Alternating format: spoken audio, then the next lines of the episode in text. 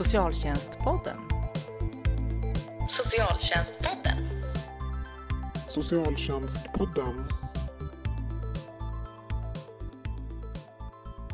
Hej, nu lyssnar du på Socialtjänstpodden. Podden för dig som är intresserad av socialpolitik och socialt arbete. Och den här gången så har vi missbruk och beroendefrågor på dagordningen. Och jag som kommer att hålla i podden idag heter Camilla Sköld. Och jag har en gäst med mig, nämligen Gunborg Brännström. Välkommen Gunborg! Tack så mycket! Och du är ju en person som har jobbat många år vet jag med missbruks och, och beroendefrågor. Du kan väl berätta lite om vem du är? Ja, jag har faktiskt jobbat i nästan 40 år med alkohol och narkotikafrågor inom ramen för olika arbetsplatser, både förebyggande insatser och vård och behandlingsinsatser. Jag har jobbat på Socialstyrelsen, jag har jobbat på Folkhälsoinstitutet, jag har jobbat på regeringskansliet, jag har jobbat i Alkoholkommittén, jag har suttit i Narkotikakommissionen, jag har jobbat på ALNA, Eh, jag har jobbat på Beroendecentrum Stockholm och sist men inte minst så har jag jobbat på SKL och lett det utvecklingsarbete som vi kallar kunskap till praktik. Just det, och kunskap, kunskap till praktik tror jag många känner igen som jobbar inom socialtjänsten med missbruks och beroendefrågor. Eh, tror jag. Eh, jag tänkte, vi brukar ju prata socialpolitik och det har inte varit så där jättemycket socialpolitiska frågor i luften när det gäller missbruks och beroende. Hur, Nej, det kan man konstatera eh, att det framförallt är fokus på sprututbyte och eh, harm reduction-insatser.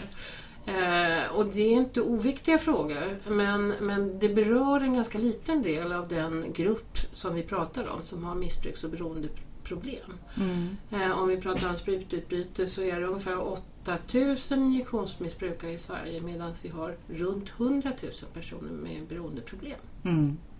Så det är synd att man bara kan ta en fråga i taget. Mm. Man borde kunna hålla, eh, jobba, ja, hålla flera frågor i, igång samtidigt och se helheter. Mm. Även om, om man ibland behöver ha fokus på delar i helheten. Precis, och sen tänker man ju att det är väl kanske en hel del media som styr också. De vill ju gärna ha konflikt, eh, som Mm. spännande frågor. Så. Och så är det säkert också. Ja, men det är ett jätteviktigt område för som sagt det berör ju väldigt många människor både direkt och indirekt att Mm. man har vänner eller anhöriga Mm. om man inte har egen problematik. Då.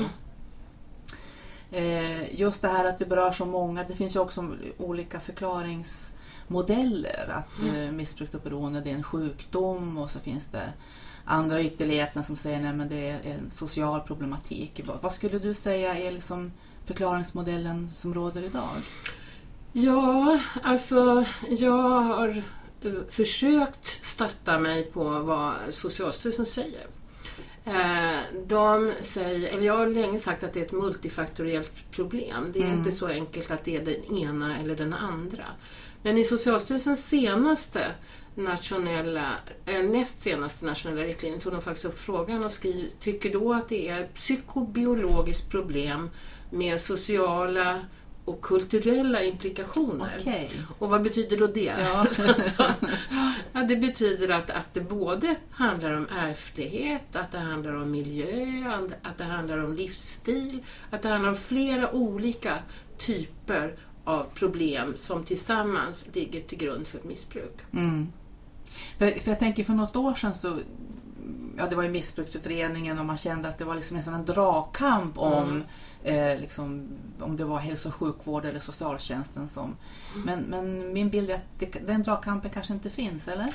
finns i viss utsträckning och jag upplever ibland att sjukdomsbegreppet har blivit starkare. Eh, Men jag tror att, att det är viktigt att, att ändå eh, vila på det Socialstyrelsen kommer fram till, Mm. som i sin tur vilar på det WHO kommer fram till, som både baseras på forskning och praktik. Mm. Och jag tror att de ändå är väl så att de allra flesta tycker jag borde hålla med om att det är komplext, Mm. att det är liksom flera delar. Och då landar man ju också i att det här är ju ingen problematik som hälso och sjukvården själv kan hantera och ingen problematik som socialtjänsten heller ensam kan Nej. hantera. Hur, hur går de här världarna ihop då? Nej men det handlar ju om att man brukar prata om riskbruk, missbruk och beroende. Alltså det är ju olika skeden eh, då man kan behöva olika stöd. Men väldigt ofta behöver man insatser från både hälso och sjukvård och socialtjänst. Mm. Eh, och det är där ut, den stora utmaningen ligger, att få till stånd ett bra samarbete och en kontinuitet i stödet. Mm. För det var någonting ni jobbade mycket med i Kunskap till praktik? Ja, i Kunskap till praktik så skrev vi från SKLs sida överenskommelser med huvudmännen i alla län. Eh, alltså med landstingsdirektörer och ofta chef för kommunförbund, regionförbund eller vad de nu kallade sig. Eh, som handlade om att de tog ett gemensamt ansvar. De skulle tillsätta en styrgrupp med chefer från båda de här områdena. De eh, skulle tillsätta en processledare som vi kunde finansiera som skulle driva det här arbetet Mm. med utgångspunkt från styrgruppen. Mm. Och för första gången så kom ju Socialstyrelsen också med nationella riktlinjer som omfattade både hälso och sjukvård och socialtjänst. Tidigare så hade ju socialtjänsten jobbat mycket för sig och hälso och sjukvården mycket för sig. Mm. Men, men det här ledde till då att i vissa län sa de att nu ska vi sluta bråka, nu borde vi Mm. se att vi har ett gemensamt ansvar. Mm. Eh, och det hände. För vi skrev ju också i den överenskommelse vi skrev att, eh, att de skulle träffa en överenskommelse kring hur de skulle samverka. Mm. Och det gjorde ju många län då. Och sen Mm. kom ju en lagstiftning som ålade dem Precis. att, att också skriva en sån överenskommelse. Vad, vad, vad, vad skulle du liksom peka på? Vad är framgångsfaktorerna för att få till en bra, ett bra samarbete? Socialtjänst, hälso och sjukvård? Nej, Alltså min uppfattning är att, att, att man måste ha brukaren i centrum. Mm. Alltså man måste utgå från en persons konkreta problem och se vad behöver den här personen för typ av insatser. Mm. Eh, Och vem kan erbjuda de insatserna? Är det hälso och sjukvård, är det psykiatrin, är det primärvården eller är det socialtjänsten? Eller är det både och, Mm. eller alla tre?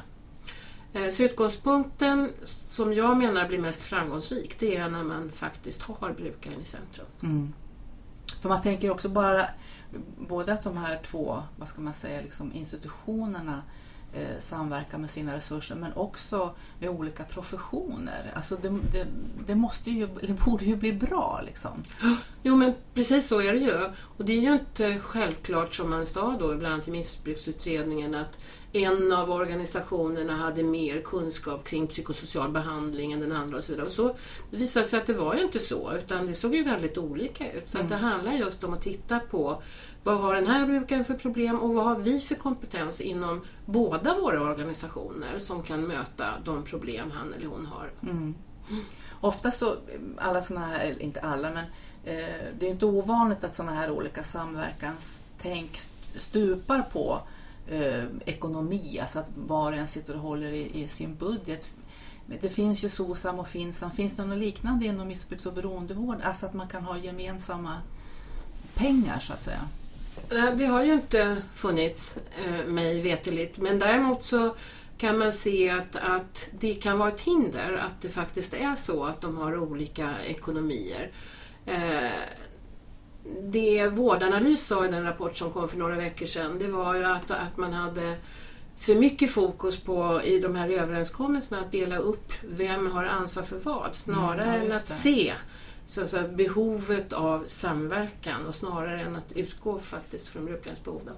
Men, men eh, i Halland så gjorde de faktiskt ett försök där de bestämde sig för när de skulle bygga upp en integrerad verksamhet att nu bryr vi oss inte om vem som har ansvar för vad.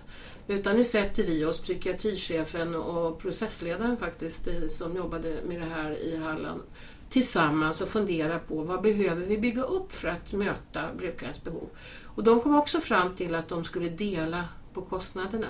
Men det där har inte varit helt enkelt kan jag säga. Mm. Eh, Det, det är inte enkelt att få till finansieringen om man har två olika portmonnäer. Mm. Så jag tror att eh, i framtiden så borde man komma fram till att faktiskt ha ett, en portmonnä. Ja, precis. Och man, man, ja, jag gör ju kopplingen också till New Public Management-filosofin där vi har liksom eh, det är inte bara, försvårar ju inte bara samverkan utan också hur man internt delar upp liksom, verksamheter små, små resultatenheter där var och en liksom sitter och håller på sitt istället Mm. för att se att det, även om man nu vill räkna pengar så Mm. skulle det ju så att säga löna sig Mm. att faktiskt satsa på eh, att göra det bra för Mm. när, när vi behöver hjälp i en missbruks och beroendesituation. Definitivt. Eh, Det här med att det är så komplext och, och, och att eh, många av oss stöter ju på problematiken. Mm. Ja, antingen själv eller, eller eh, via anhöriga och så. Eh, hur tänker du liksom det här med individen och sammanhanget när det gäller missbruks och beroendeproblematik? Jag tycker att det är så oerhört viktigt att se hela systemet. Eh, att det inte bara... När jag började på SKL och fick det här uppdraget så var ju de nationella riktlinjerna utgångspunkten. Mm. Eh, och då bjöd jag in brukarråd från olika organisationer för att diskutera vad har varit viktigast för er? Mm. Är det det här som står i de nationella riktlinjerna? Eh, och en sak som jag aldrig glömmer som de sa var att se hela vår situation, se inte bara missbruket. Mm. Och det där tycker jag var en väldigt viktig tankeställare för mig Mm. som också gjorde att jag tillsatte ett brukarråd kopplat till det här utvecklingsarbetet. Mm. Eh, Men, men, men det är ju så att om en person får hjälp med sitt missbruk så har ju inte den personens alla problem blivit lösta. Mm. Eh, Det handlar om kommunikation i familjen. Mm. Det handlar om barnen. Eh, Så att var och en i den här familjen, om det nu är en familj, men man har alltid relationer och anhöriga, behöver man lösa också konflikter. Mm. Eller lösa upp dialogen i familjen så att man faktiskt liksom har förutsättningar för att gå vidare. Mm. Och sen handlar det ju om boende och, och arbete och också andra saker för att Mm. faktiskt klara sig eh, när man har fått hjälp med missbruket. Mm. Så eftervården kan jag känna också rätt ofta är fortfarande eftersatt. När man faktiskt har fått hjälp med, med men också anhörigstödet. Alltså kommunerna är faktiskt skyldiga att stödja anhöriga även till personer med missbruksproblem sedan 2009. Mm. Men, men där kan vi se stora brister idag skulle jag vilja säga. Mm. Däremot så när, när jag jobbade på SKL så träffade vi också en överenskommelse om att bygga upp en anhörigwebb som eh, Riddarmottagningen i Stockholm faktiskt har, byggt upp. Så de driver nu både Alkoholhjälpen men också en, en webb för anhöriga. För att som anhörig så är det ju väldigt svårt att ta kontakt. Man är ju ganska duktig på att skydda personer med Mm. problem. Mm. Och det är ju hela familjen. Mm. Och då kan det vara enklare att faktiskt vända sig till en webb först eh, och se vad kan jag göra och vad borde jag göra och vem kan jag ta kontakt med och så. Mm. För att faktiskt få egen hjälp också. Det var ett, ett, ett bra tips. Har du ett tips också till chefer och socialsekreterare inom det här området som vill ta tag i det här med brukarinflytande och så? Va? Hur, hur kan man tänka?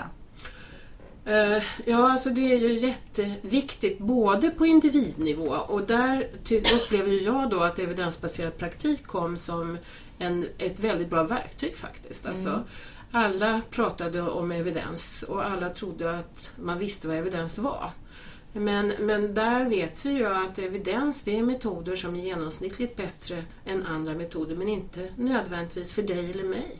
Eh, utan socialsekreterarna behöver väga samman vad säger forskningen med brukarnas erfarenhet och önskemål. På individnivå är det viktigt Mm. och har i viss utsträckning kommit igång skulle jag vilja säga.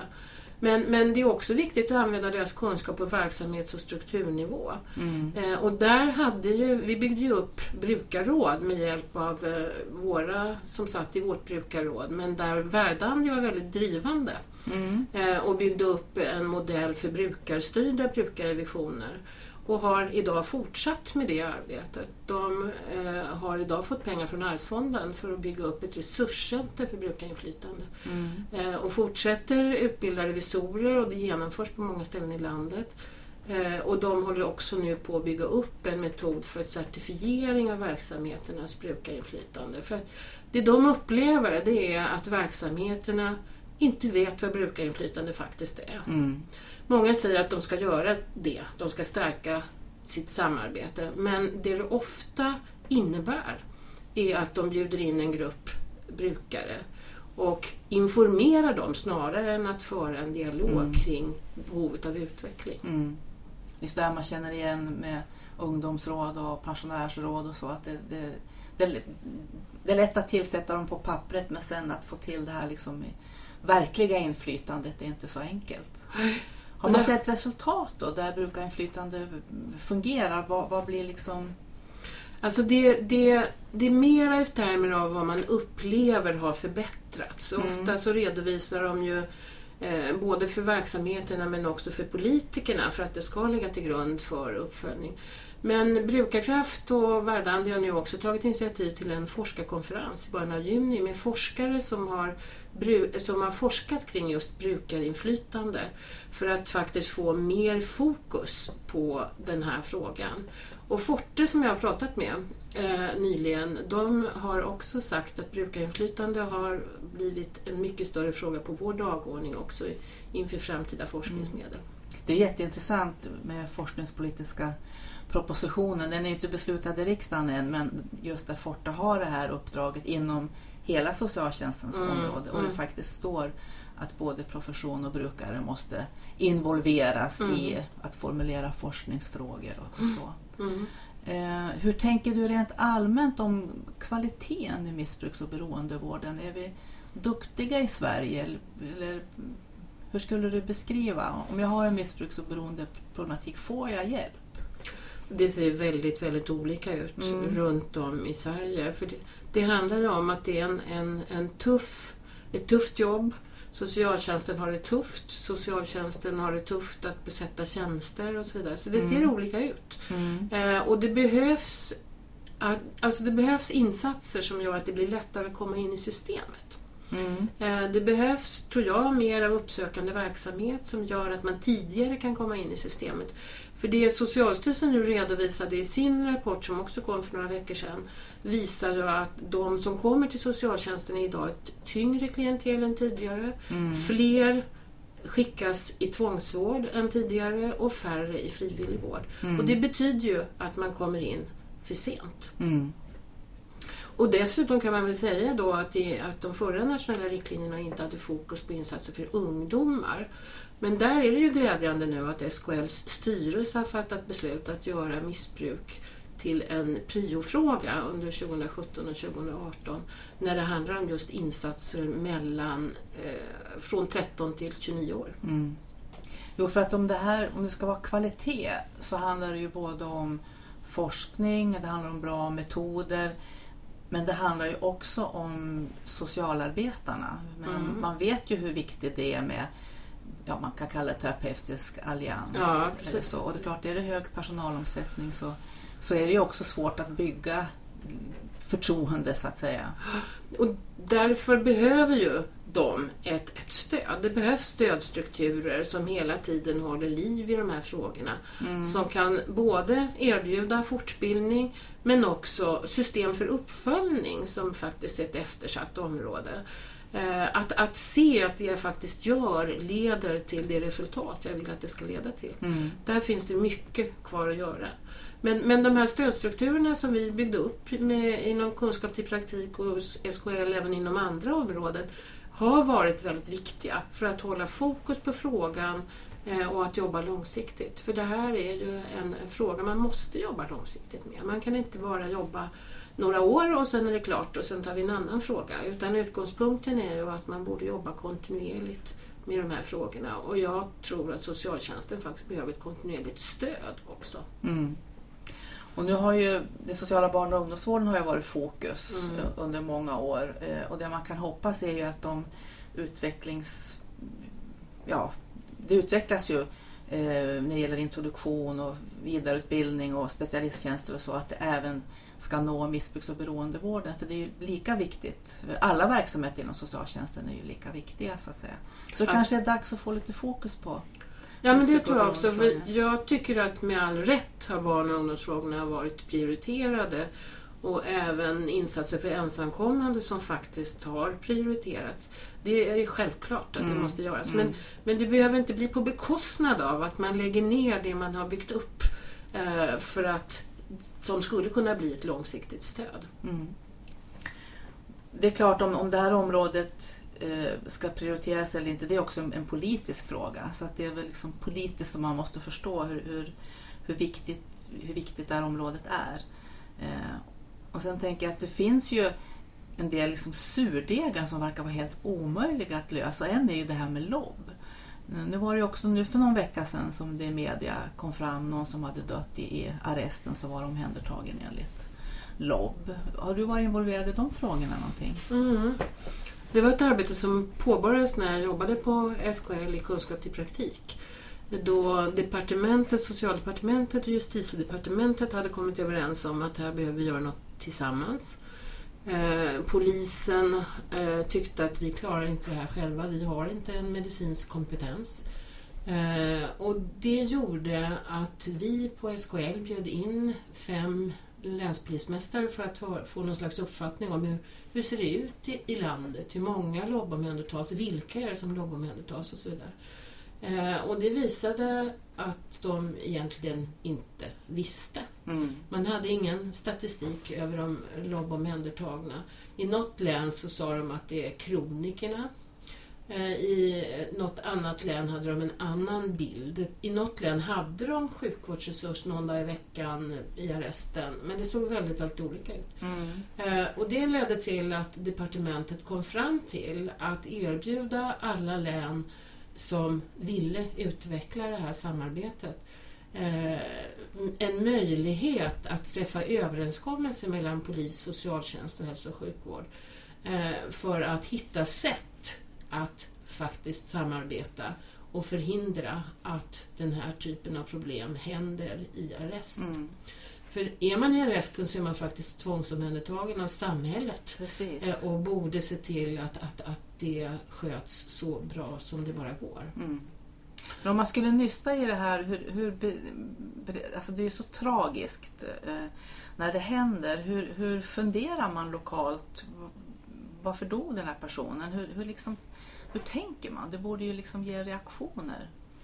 Ja, jag tror också att det, ser, det, det, ger reaktioner och det har ju varit ganska mycket inslag tycker jag i media eh, runt det här, i synnerhet när det här arbetet startades upp. Mm. Eh, men men, men det, det, är inte enkelt att lösa. Mm. För utgångspunkten är ju att eh, man, alltså, jag har en känsla av att man från polisens sida ibland såg det här som ett ordningsproblem snarare än som Rob faktiskt var tänkt. Det är ju faktiskt en vårdlag i botten. Mm. Och tanken var ju att man i ett tidigare skede skulle komma i vård. Mm. Eh, så att jag tror delvis att det är en kunskapsfråga. Men mm. sen har ju polisen ingen medicinsk kompetens. Eh, de, de har ansvar att övervaka de här personerna och de har ansvar för att koppla in hälso och sjukvård eh, om, om det finns behov av det. Och där har vi då eh, problem i samarbetet skulle jag vilja säga. Mm. Det kan vara så och polisen skulle nog vilja skicka alla som de jobbar med omhändertas till hälso och sjukvård, till tillnyktring. Mm. Men, men det funkar inte riktigt. Det, det säger inte hälso och sjukvården ja till. Och det är därför att de är frihetsberövade? Ja, eller? ja precis. Ja. För att en, en, person som de skickar till hälso och sjukvård kan ju gå ut genom dörren ja, direkt. Precis. Eftersom inte hälso och sjukvården har en möjlighet att tvångsomhänderta en person. Mm. Så att eh, det är inga enkla frågor. Man måste verkligen komma överens om hur ska vi göra det här. Mm. Från hälso och sjukvårdens sida så tyckte man ju att ni borde låta, låta dem blåsa. Så vi ser hur många promille de har. Men det har de inte rätt att göra i polisen. Mm. Eh, så, det, så det, det funkar inte. De måste hitta andra sätt. Mm. Eh, men jag vet att i ett av länen, där hade man hittat en modell för att göra någon slags bedömning av sjukvårdsbehov eh, som var från England som de hade utbildat ambulanspersonal i, som de tänkte utbilda arrestpersonalen i. Mm. Men, men jag frågade också polisen att med anledning av alla de här överenskommelserna som nu har träffats, har ni planer på att utbilda arrestpersonalen mer kring de här frågorna? Mm. Och det är någonting som pågår, har jag förstått, mm. nu i den här nya centrala polismyndigheten. Mm. Jag tänker att man kan, man eh, kan å ena sidan säga att det är komplext eftersom det är olika huvudmän inblandade och det är liksom en lagstiftning som är knölig. Men å andra sidan så, så kan man inte låta bli att tänka, men hur svårt kan det vara? Eller hur? Jag håller verkligen med. Ja. Hur svårt kan det vara? Ja. Men, men, men län som jag tittade på, där, där konstaterar jag också att de som faktiskt kom till tillnyktring, som är en, som i det länet betraktades som en socialtjänstinsats, och Mm. socialtjänsten faktiskt betalar, Mm. det var återfall i 96 procent av fallen. Och Mm. de här unga som LAB-omhändertas kom inte dit. Mm. Eh, och det handlade också om att, att hälso och sjukvården hade kriterier som gjorde att för att komma in där så skulle man ha en ganska tung problematik. Mm. Just det. Så att, så att man Ja. kan ju lätta upp de här systemen för att det faktiskt ska vara möjligt att stötta personer i Mm. tidiga skeden. Och som du sa tidigare, att sätta brukaren i centrum. Ja, men det är ju det centrala Ja. för alla de här insatserna. Då, kom, då kommer man ganska långt. Vad bra Gun, Vad har, är det något annat som du funderar på? Nej, men jag, jag kan väl känna viss frustration kring att vi bygger upp system. Alltså Mm. inom ramen för kunskapspraktik by- byggde vi upp en struktur för att faktiskt föra en dialog med behov på lokal nivå och kunna stötta det utifrån nationella riktlinjer, kunskap och annat. Mm. Och att det alltid blir temporärt. Ja, just det. Eh, Det här är någonting som alltid behövs Mm. ut, missbruket utvecklas idag. I Socialstyrelsens senaste rapport framgår också att man ofta idag använder många olika preparat. Någonting som man kanske inte har full koll på ute i vården idag och så vidare. Man måste hela tiden vara uppdaterad och stötta socialtjänsten och hälso och sjukvården i de här frågorna Mm. för att det ska bli kontinuerligt och långsiktigt. Mm. Och vi hoppas att någon tar den bollen för hela idén med kunskap till praktik det var ju att det var långsiktigt. Mm. Det skulle vara långsiktigt. Så vi får, vi får hjälpas åt och se till att missbruks och beroendefrågorna kommer upp på dagordningen igen. Det tycker jag också. Mm. Tack så mycket Gunborg eh, Brännström. Eh, och om två veckor så är det dags för Socialtjänstpodden igen. Och då ska vi faktiskt ha IVO på besök. Så vi ska alltså prata om tillsyn och hur IVO ser på eh, saker och ting inom socialtjänsten. Så fram till dess får du gärna fortsätta att lyssna på våra andra poddar eh, om du ännu inte gjort det. Tipsa kollegor om att göra det och sen hör jättegärna av dig om du har förslag på teman eller ämnen som du vill att vi ska ta upp i våran podd. Tack för att du har lyssnat.